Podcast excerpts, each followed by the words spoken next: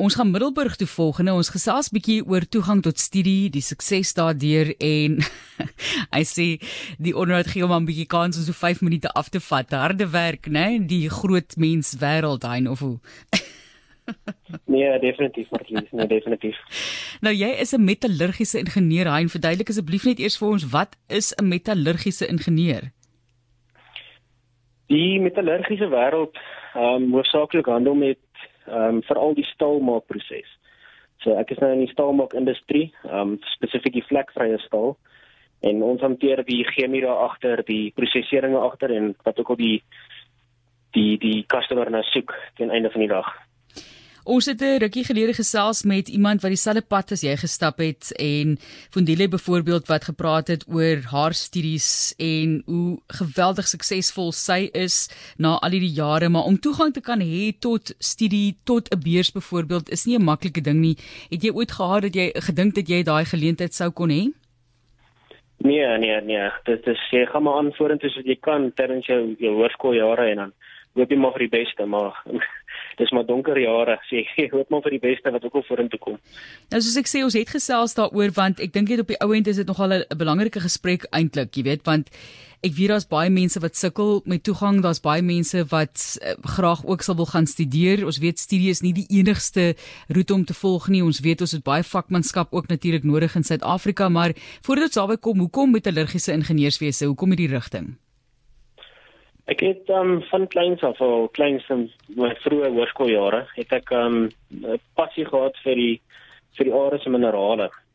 En um, dit het oorspronklik begin by geologie, maar ek het 'n bietjie meer as net weet geologie gedoen. Toe begin ek in die probleemoplos wêreld van ingenieurswese bietjie bietjie besig geraak en toe kry ek nou metallurgie. Is ook 'n vorm nou maar van geologie en die, en die prosesering van die minerale van die aarde is. So dit is eintlik maar perfek.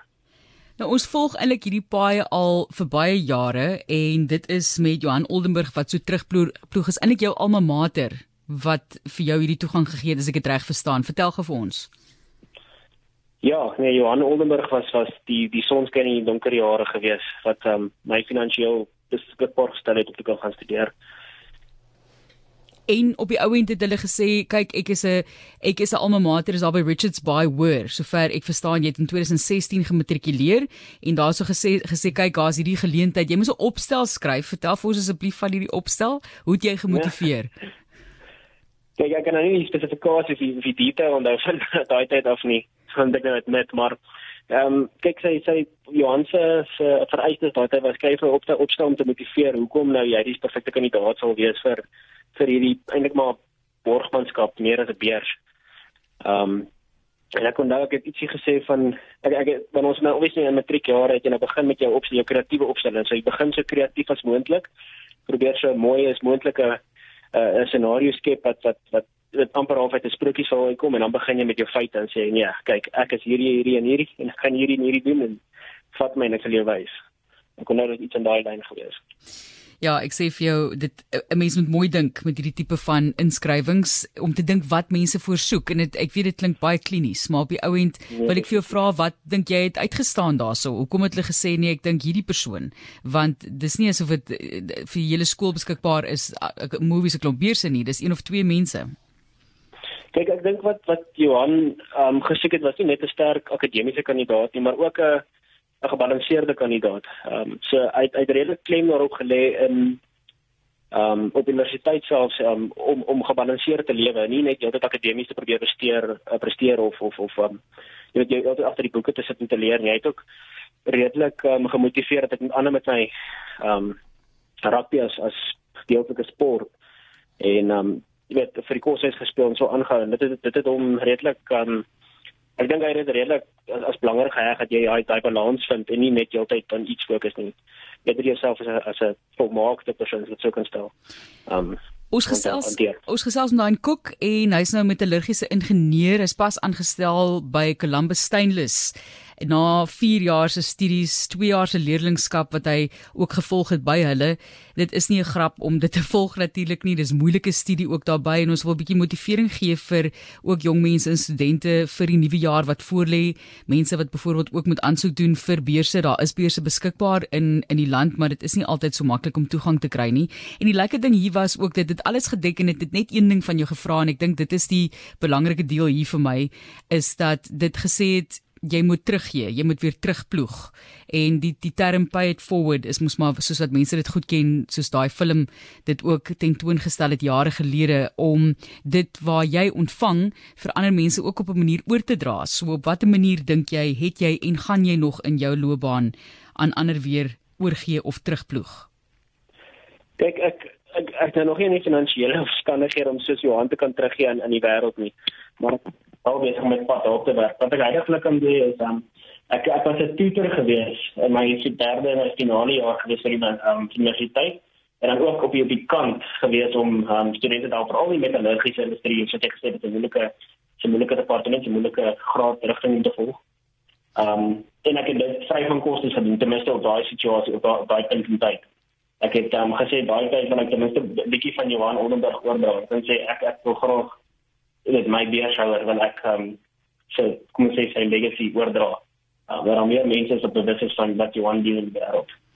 Ons het nou gesels met een van die onlangse beurshouers en die geweldige uitdagende omstandighede waarin sy groot geword het. Byvoorbeeld hoe streng haar ouma en oupa was uh, om vir haar by die huis te hou en gefokus te hou op haar studies en op haar lewe, maar regtig 'n baie moeilike lewe gehad om op so 'n manier uit te styg. Wat was vir jou van die uitdagings geweest? Sure. Um, dit is net um ek dink dit is skerm gewees. Um alles wat gebeur het. Ek was nog wel 'n bietjie Johan. Johan het dit soveel meer makliker ook gemaak. So meer toeganklik ook gemaak deur sy deur sy um weer. Um universiteit was al moeilik ja. Weet jy, so ek dink dis vir my dit sommer so dan steen. Vooral toe ek nou um die ingenieurswese gedoen het. En ek bedoel Johan het um, ons ons prestasies en ook ons failures um nie nie die wat pryse gee nie maar hy het hy het ondersteun persoonlik en hy het ondersteun weet hy verstaan waar hy vandaan kom. So hy het hy reg hierdie tyd het hy um seker gemaak dat wat ook al moeilik is bietjie makliker is. So ek het nie regtig um as ek sou sê 'n donker gat gehad waarin ek getrap het ja. wat dit onmoontlik gemaak het om uit te kom nie Hein, asseblief inspireer gou die ander mense wat nou luister wat iewers moet aansoek doen vir 'n beurs wat nog wil gaan studeer. Ons kyk nou hierso na, na die matrikulante byvoorbeeld. Ons weet jy moet al vroeër begin natuurlik aansoek doen en voelers uitsteek en natuurlik baie hard werk ook vroeër aan jou punte.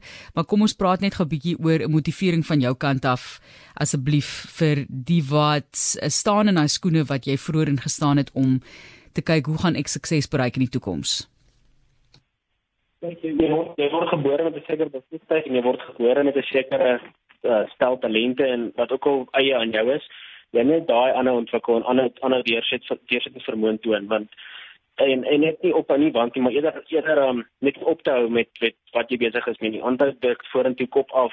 Maak seker wat jy doen is reg en hou aan met dit. Ewen of of of of like die die toekoms nie so so skitterend soos wat jy in daai omstandighede dink jy leer werk op snaakse maniere soos ek ook ook met my gewerk het. Um, jy verwag dit nie altyd nie. Hou net aan, hou net hou net aan. Hou net bly weg aan.